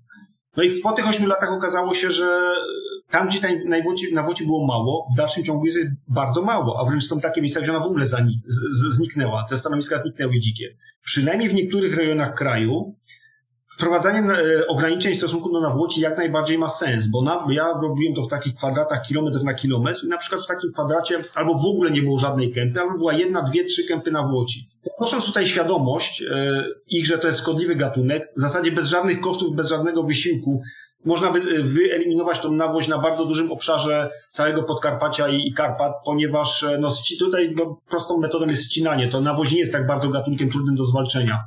Także wydaje się, że, i, że, wprowadzenie tej nawłoci jak najbardziej miałoby sens. I taką opinię też, tak, tak, taką uwagę zgłosiliśmy jako Instytut do, do Generalnej Dyrekcji Ochrony Środowiska i, no i zobaczymy, co, co z tego będzie. Natomiast no faktycznie skala inwazji na Włoci jest niestety porażająca. W, w, w, w perspektywie całej Polski, na niżu Polski jest to absolutnie, może powiem w szerszym kontekście, w jaki sposób sobie radzić w ogóle z tymi gatunkami obcymi. No właśnie, ale zanim powiemy, jak sobie radzić, to podajmy jeszcze ze dwa, trzy przykłady i może na tych przykładach. Tak, no to właśnie, bo na tych listach i unijnej, i europejskiej większość gatunków, choć nie wszystkie, to są takie gatunki, które albo, albo w ogóle ich jeszcze nie ma ani w Europie, ani w, w Polsce, albo są, e, albo ich zasięg e, występowania jest jeszcze bardzo mały, no ale są też takie, których jest naprawdę bardzo dużo, przynajmniej w części Europy tych, te populacje są bardzo duże. I teraz co możemy zrobić?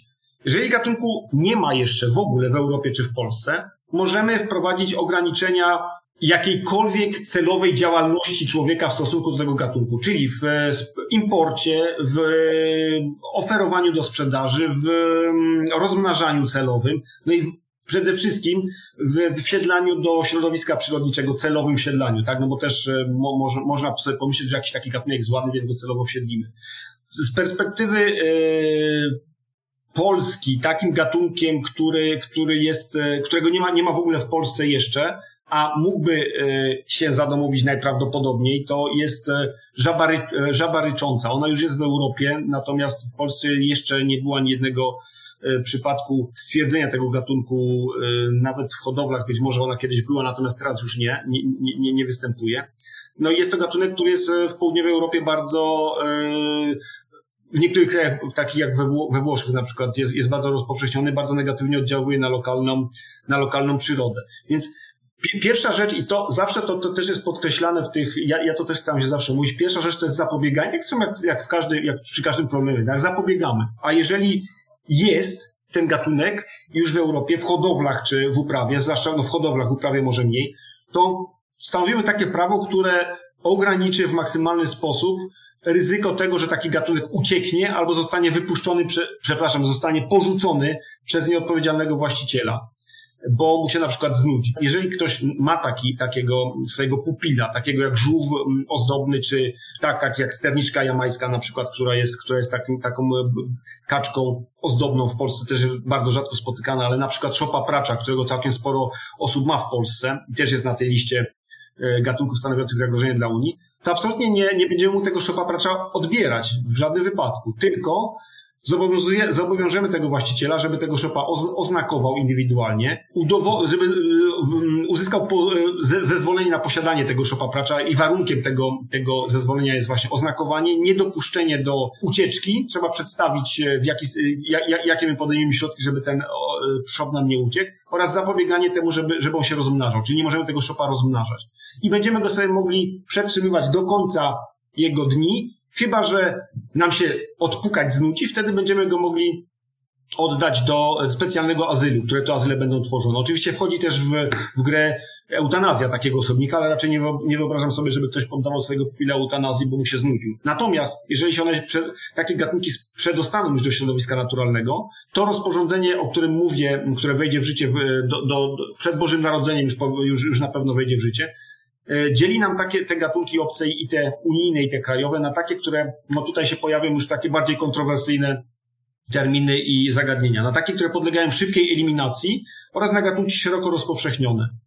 No i mówiąc e, w skrócie, gatunki podlegające szybkiej eliminacji to są takie gatunki, które w Polsce jeszcze występują na tyle nielicznie, że istnieje szansa, żeby mm, doprowadzić do całkowitego, w środowisku przyrodniczym występują na tyle nielicznie, że jest szansa, żeby je w sposób całkowity z terytorium Polski wyeliminować. Nie musi tutaj chodzić tylko o zabicie tych zwierząt i całkowicie e, do nogi, tylko można, można je e, wyłap, wyłapywać i umieszczać w azylach albo zapobiegać ich rozprzestrzenianiu poprzez na przykład e, zamknięcie w, jakiej, w, jakiej, w jakiejś zagrodzie miejscu. Takimi gatunkami w Polsce są na przykład jeleń sika, wschodnioazjatycki azjatycki jeleń, który wraz z Polską występuje tylko w dwóch miejscach nad Zalewem Wiślanym w okolicach Pszczyny, gdzie te populacje są cały czas o ponad 100 lat, są izolowane i nie rozprzestrzeniają się. Innym przykładem takiego zwierzęcia w Polsce, takiego ssaka jest nutria, która, nie wiem czy, czy, czy wie Pani o, o, o kontrowersjach związanych z nutrią. Nutria występuje w Polsce co najmniej w dwóch miejscach, gdzie tworzy całkiem spore populacje. Pierwsza to jest, to są okolice Jaworzna, a druga to jest Rybnik. I e, no są tam, zwłaszcza, no i, i zresztą, zwłaszcza w Rybniku, no to jest rzeczywiście taka lokalna atrakcja, gdzie ludzie te zwierzęta dokarmiają i jest anegdota, że podobno było, był, był, Rada Miejska miała powziąć decyzję o tym, żeby nutrię wprowadzić do herbu rybnika zamiast albo obok szczupaka, nie wiem na ile to prawdy w tym jest, ale Natomiast no, no, po pierwsze coraz więcej jest głosów takich, że te nutrie stanowią problem, dlatego że między innymi stanowią, e, naruszają infrastrukturę, mm, powiedzmy, że antypowodziową w okolicach, e, e, na brzegu rzeki, w której one bytują oraz tam, tam w pobliżu jest zbiornik rybnicki, ogromny zbiornik i one uszk mogą uszkadzać obwałowania tego zbiornika, bo to się dzieje w Europie Południowej, to naprawdę jest bardzo wielki problem. No można sobie wyobrazić sytuację, że jeżeli by się z tym nie, nie zrobiło, mogłoby dojść do jakiejś katastrofy. Natomiast też no, tutaj jest bardzo kontrowersyjna sytuacja, co z tymi nutriami należy zrobić, tak? Ponieważ one, to są, to są naprawdę, sam widziałem, tak? Te nutrie żebrają o pokarm, e, wręcz natarczywe i może, mo, mo, mo. więc nie ma, nie ma moim zdaniem, nie powinno być problemu, żeby te nutrie wyłapać i umieścić w jakimś, w jakimś właśnie azylu.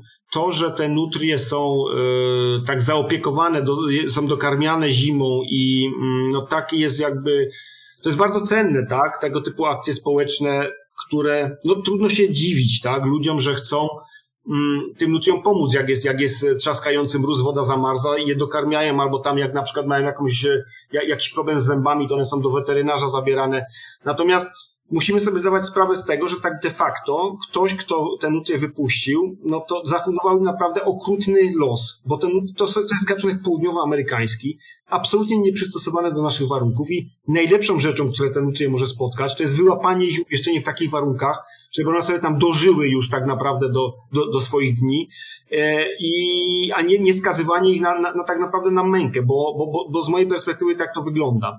Mówiliśmy dużo o mm, zwierzętach, a mnie interesuje też e, ekosystem leśny. Jak tu wygląda sytuacja? No bo mm, też robiłam taki odcinek e, parę, mm, no ładnych już parę miesięcy temu o tak zwanych drzewach klenowych i, i pamiętam, Aha, że... Oxytree, tak? tak tak, dokładnie, że było, że, że wiele osób mówiło, to jest świetny sposób na to, że mamy teraz szybko rosnące drzewo, a przecież walczymy z ociepleniem klimatu. No i nagle się właśnie podezwało no to ciekawe, ciekawe. krytyczne.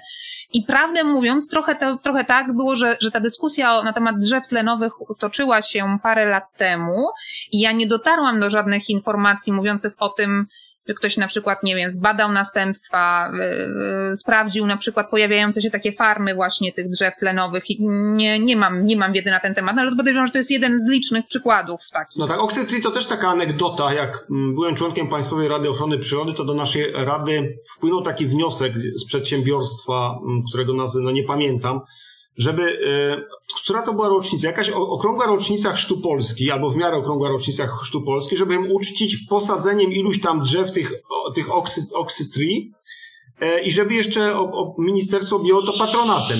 Co nam się wydało kuriozalnym dość pomysłem, żeby rocznicę Chrztu Polski czcić sadząc drzewa pochodzące nie wiadomo skąd, zamiast dęby na przykład, albo jesiony, albo jakieś jawory. E, I wtedy zrobiłem faktycznie dosyć e, szeroko zakrojone, mm, bo nie słyszałem wcześniej o tym, o tym gatunku, e, poszukiwania odnośnie tego, czy ten gatunek może być niebezpieczny.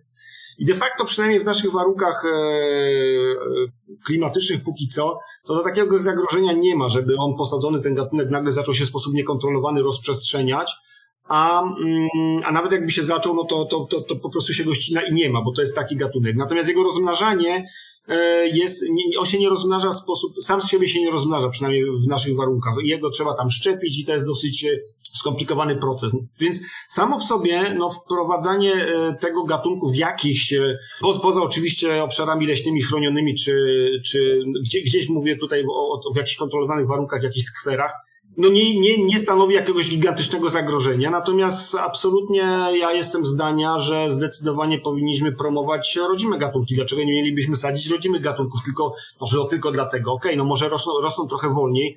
Natomiast e, jeśli chodzi o mm, problem e, w lasach, to jak chodzi o takie gatunki drzew, bardzo obcych, nie, niekorzystnie e, wpływające na nasz ekosystem, no to takie gatunki jak robinia akacjowa, czyli popularna akacja, jak dąb czerwony, czy takie liście, jak, czy takie drzewa jak czeremcha amerykańska, no to, to czy bożo, bożodrzew gruczołowaty, który właśnie to jest jeden, wśród wszystkich tych gatunków, o których ja powiedziałem, to tylko bożodrzew jest na liście unijnej właśnie, e, natomiast postulowaliśmy o włączenie również dębu czerwonego i czeremchy amerykańskiej na listę krajową teraz, e, tą, którą ma się ukazać gatunków obcych. Natomiast są takie gatunki, które są mm, w odróżnieniu od tej paul, paulowni, bo tak chyba się to oksytri nazywa, to o, są bardzo trudne do zwalczenia, dlatego że o ile tamto drzewo się ścina i, i nic, to, to tutaj po ścięciu takiego dębu, czy, czy, czy czeremchy, czy Mm, e, robini, no to odrasta jak hydra i tutaj, tutaj trzeba stosować albo jakieś środki, niestety, jakieś środki chemiczne, agresywne, żeby takie drzewo zabić, mówiąc wprost, albo wykopywać je z korzeniami, co jest bardzo no,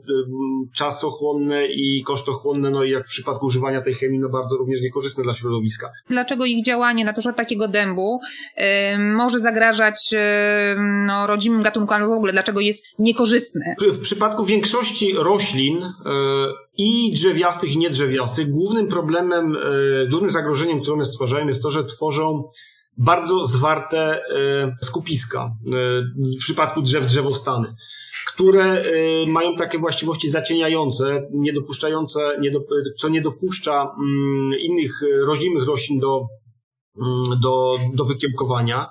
Mm, niektóre z tych gatunków, niektóre z gatunków roślin mają właściwości aleopatyczne, czyli wydzielają takie substancje, które dodatkowo jeszcze nasze rodzime gatunki roślin odstraszają, można powiedzieć. A w przypadku dębu czerwonego jest jeszcze taki, mm, taki mechanizm, że liście tego dębu zawierają e, substancje, które powodują, że są mało one strawne dla mm, e, roślinożernych e, owadów. I liście takiego dębu tworzą, po opadnięciu tworzą coś w rodzaju takiego linoleum na, na podłożu i prze, przez to linoleum inne rodzime gatunki i rodzimym gatunkom się bardzo trudno jest mm, przebić.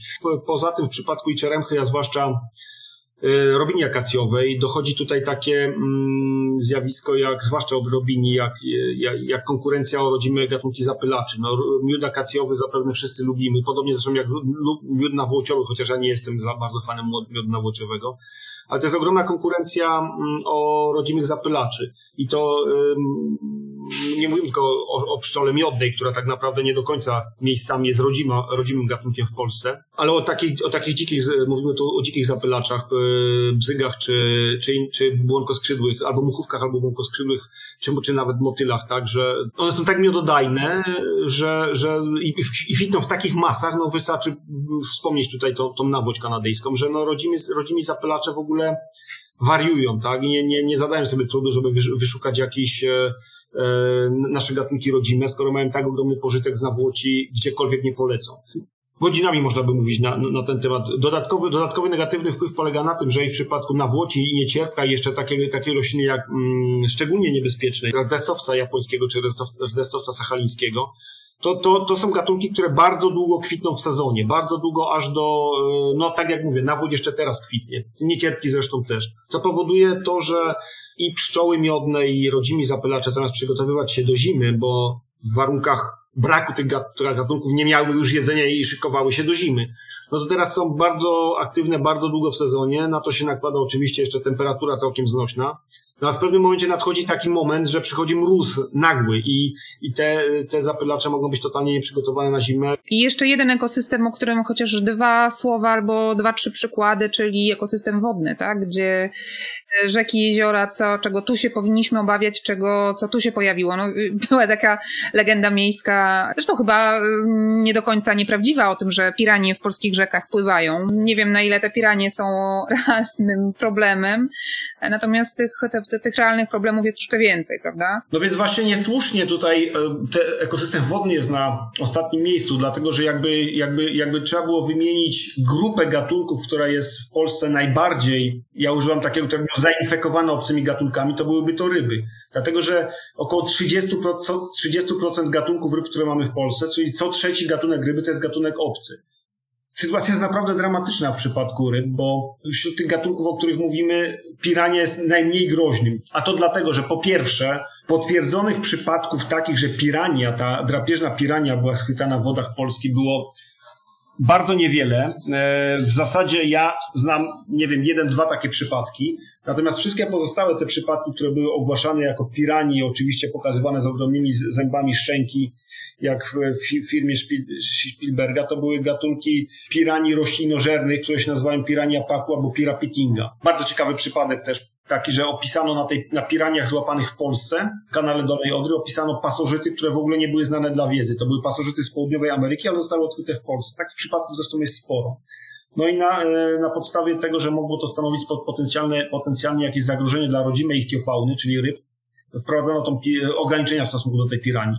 Są również, również inne gatunki ryb obcych, inwazyjne gatunki obcych ryb, negatywnie wpływające na naszą przyrodę, takie jak babki azjatyckie, babka bycza, łysa, szczupła, marmurkowa, trawianka, bardzo niebezpieczny obcy gatunek, e, też azjatycki drapieżnika, e, sumik karmowaty, czebaczek amurski, no mają różnego rodzaju wpływ na, na rodzimą i, przyrodę, nie tylko ichtiofaunę, począwszy od, od konkurencji mm, o pokarm z rodzimymi gatunkami ryb poprzez drapieżnictwo na rodzimych gatunkach ryb, czy nie tylko, bo tak samo ikry, na ikrze płazów na przykład, mm, skończywszy na przez przenoszenie pasożytów różnego rodzaju paskudnych, które, no o tym w ogóle nie mówi. To jest naj, w ogóle, jak miał jeszcze powiedzieć, jaki jest najbardziej fascynujący dla mnie aspekt tych inwazji od takiej strony nieprawdopodobnych historii, to poza tym żółwiem jaszczurowatym, to jest właśnie kwestia różnego rodzaju kosmicznych, można powiedzieć, scenariuszy tego, że jakiś gatunek przenosi inny gatunek pasożyty albo jakieś choroby. I, to, i tam się dzieją zupełnie sceny nieprawdopodobne, a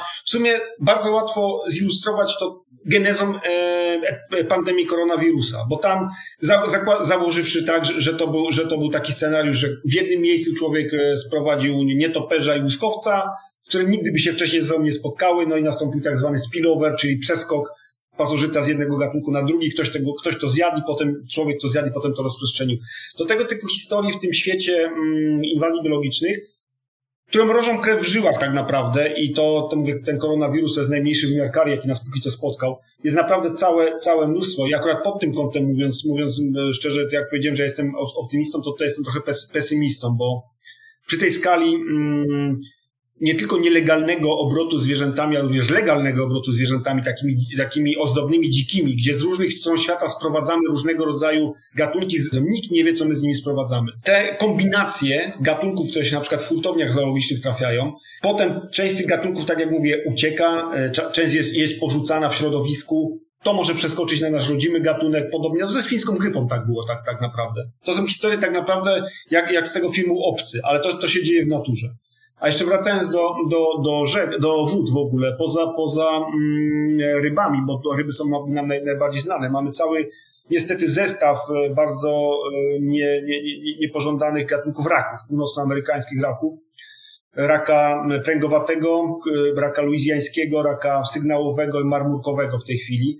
Gatunki, które no, po, poza tym, że, że są drapieżnikami, no to też są nosicielami, właśnie to jest właśnie, tutaj nawiążę do tego, niektóre z nich są nosicielami e, patogenu, takiego mikrogrzyba, który powoduje tak zwaną dżumę raczą, która jest w 100% śmiertelna dla, dla naszych raków szlachetnych. No i główny problem z rakami szlachetnymi e, wynika z tego, że, że zostały zarażone tą dżumą raczą już, no i tych raków mamy coraz mniej. Tak naprawdę ja prowadzę, tak jak mówiłem, prowadzę bazę danych gatunki obce w Polsce, których jest gatunków, tych gatunków jest powiedzmy około 1800 i tak szczerze powiedziawszy, myślę, że co najmniej o połowie z nich można powiedzieć, absolutnie fascynującą historię tego, jak, skąd on się wziął i jaki jest jego mechanizm wpływu, bo mówię, te, niektóre te mechanizmy są po prostu niewiarygodne, to co, to, to jak to, mogę dać przykład taki bardzo ciekawy, jeden z moich takich ulubionych z tymi pasożytami, mój kolega tutaj z Uniwersytetu Rolniczego mm, kilka lat temu odkrył u dzików e, odstrzelonych czy, czy z wypadków pochodzących w okolicach Krakowa takiego pasożyta,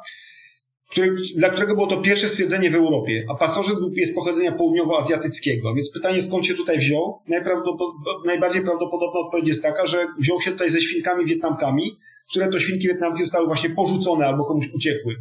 Bo w Krakowie w zasadzie mamy populację, można powiedzieć, już takich świnek wietnamek, które gdzieś tutaj, tutaj nam chodzą. Zresztą na pewno krzyżują się też z dzikami. To jest kolejny, kolejny aspekt, którego nie poruszyliśmy. Kolejny rodzaj wpływu to jest krzyżowanie się gatunków obcych z rodzimymi.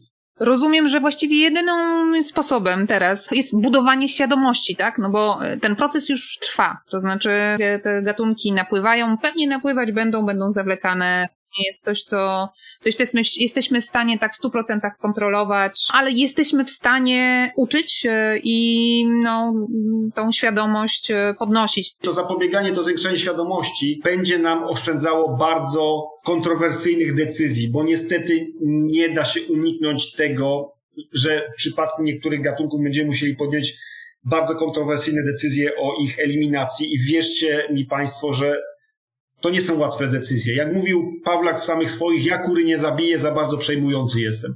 Już takie decyzje musiałeś podejmować? Czy ja takie decyzje, znaczy to nie jest tak, że ja takie decyzje podejmuję. No ale rekomendować. Pewne rozwiązania, które my proponujemy, no niestety, no, one niestety no, są, są w pewnym sensie mega autorstwa, tak? Na przykład i to są bardzo kontrowersyjne decyzje, tak jak mówię, nie wiem, czy słuszne. I jak mówię, to, że kilkanaście lat temu zniesiono okres ochronny na, na trzy gatunki drapieżników, na norkę amerykańską, szopa, pracza i jenota, czyli, czyli, czyli de facto można do nich strzelać przez cały yy, okres, przez cały rok łącznie z e, okresem rozrodu. Wydawało się, to nie wiem, no, to tylko na, na, tak naprawdę bardzo trudne do, do rozważenia, czy to jest dobre rozwiązanie, czy złe, tak? Bo czy mamy roz, pozwolić rozmnożyć się tym e, gatunkom i potem je dopiero zabić, mówiąc wprost, czy mamy je od razu zabić, żeby się nie rozmnożyły. A jeszcze tak naprawdę dochodzi do tego ten fakt, że zwłaszcza w przypadku jenota i, i norki, w pewnych rejonach tych, tych um, zwierząt, tych osobników jest tak dużo, że nawet jeżeli my tak, tak, takiego jednego, czy drugiego, czy trzeciego wyeliminujemy, to, to to niewiele da.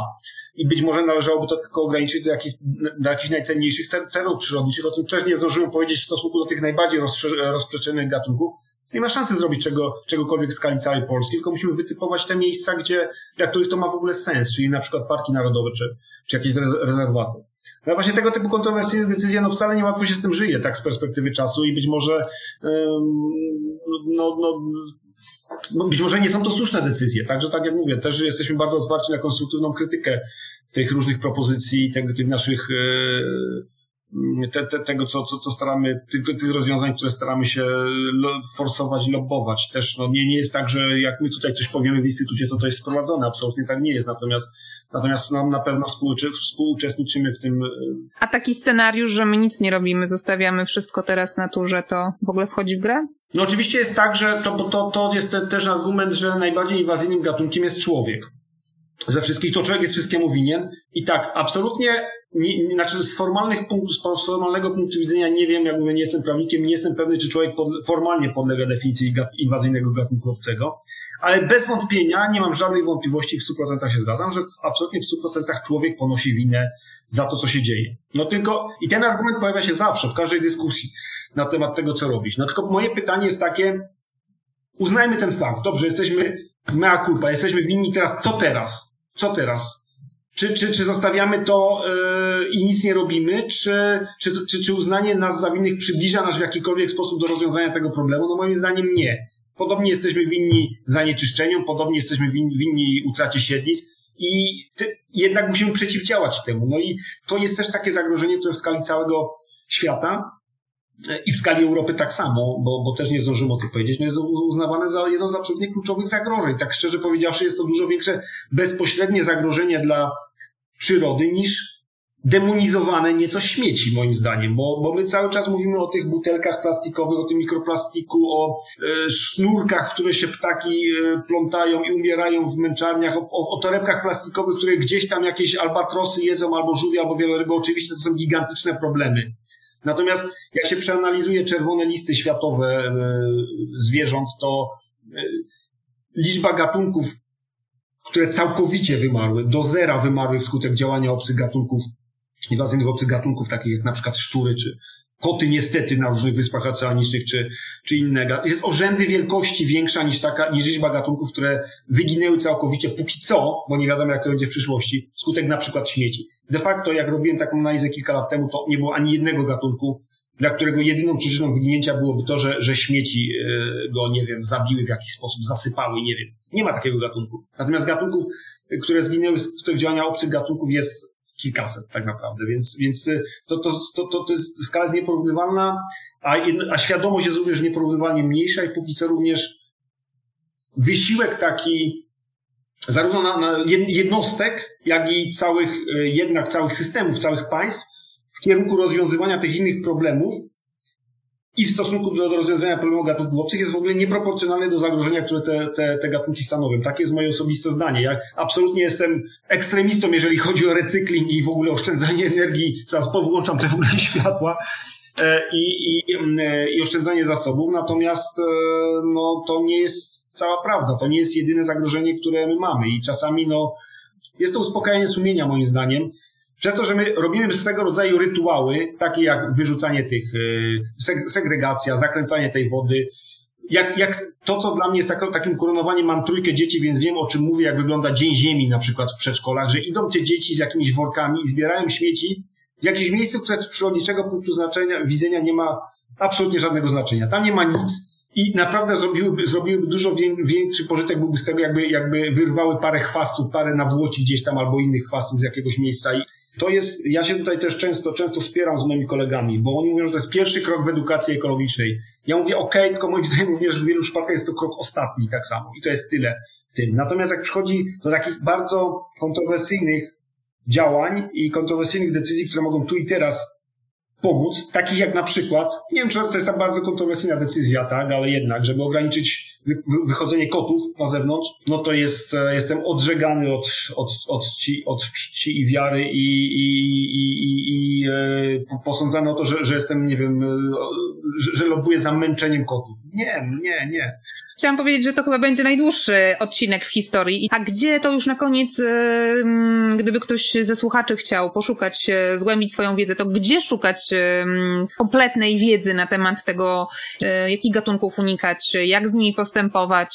Zacząłbym od, od stron Generalnej Dyrekcji, Generalnej Dyrekcji Ochrony Środowiska, czyli GDOŚ-u. Podlinkujemy je w podcaście od razu. Tak, to są, to są między innymi aktualne listy y, gatunków, y, powiedzmy, że zakaz, zakazanych, tak je nazwijmy. Chciałbym bardzo polecić stronę mojego kolegi Rafała Maciaszka, która nazywa się Łowca Obcych. On prowadzi taką inicjatywę Łowca Obcych i absolutnie robi jak to się mówi, ogromną robotę e, e, i bardzo ściśle ze sobą współpracujemy. On służy taką praktyczną radą, na przykład właścicielom różnego rodzaju e, gatunków, w stosunku do których ograniczenia wprowadzono, w jaki sposób teraz uzyskać zezwolenie, czy, czy też no, co, co, w jaki sposób zapewnić, żeby te gatunki się nie przedostały do środowiska mnóstwo bardzo przydatnych informacji e, również na jego profilu facebookowym, ale też na stronie.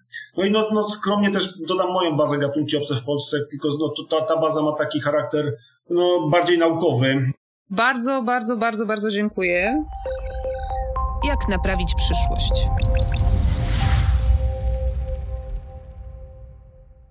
Dziękuję Wam bardzo, że wysłuchaliście tego odcinka podcastu. Nowe odcinki znajdziecie co miesiąc na kanale Pismo do Słuchania. Podcast ma też własny kanał, który się nazywa Jak naprawić przyszłość i jest dostępny na wszystkich najpopularniejszych platformach. Będzie mi bardzo miło, jeśli dodacie go do obserwowanych. Dla słuchaczy, którzy dotrwali do końca tego długiego, ale mam nadzieję ciekawego odcinka, mam promocyjny kod. Po wpisaniu hasła JNP2050 na stronie magazynpismo.pl ukośnik prenumerata dostaniecie 10% zniżki na roczną prenumeratę miesięcznika. Dobrej lektury. Ściskam Was mocno i do usłyszenia niebawem.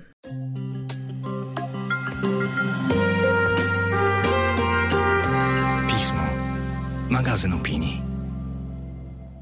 Mecenasem podcastu jest Accenture.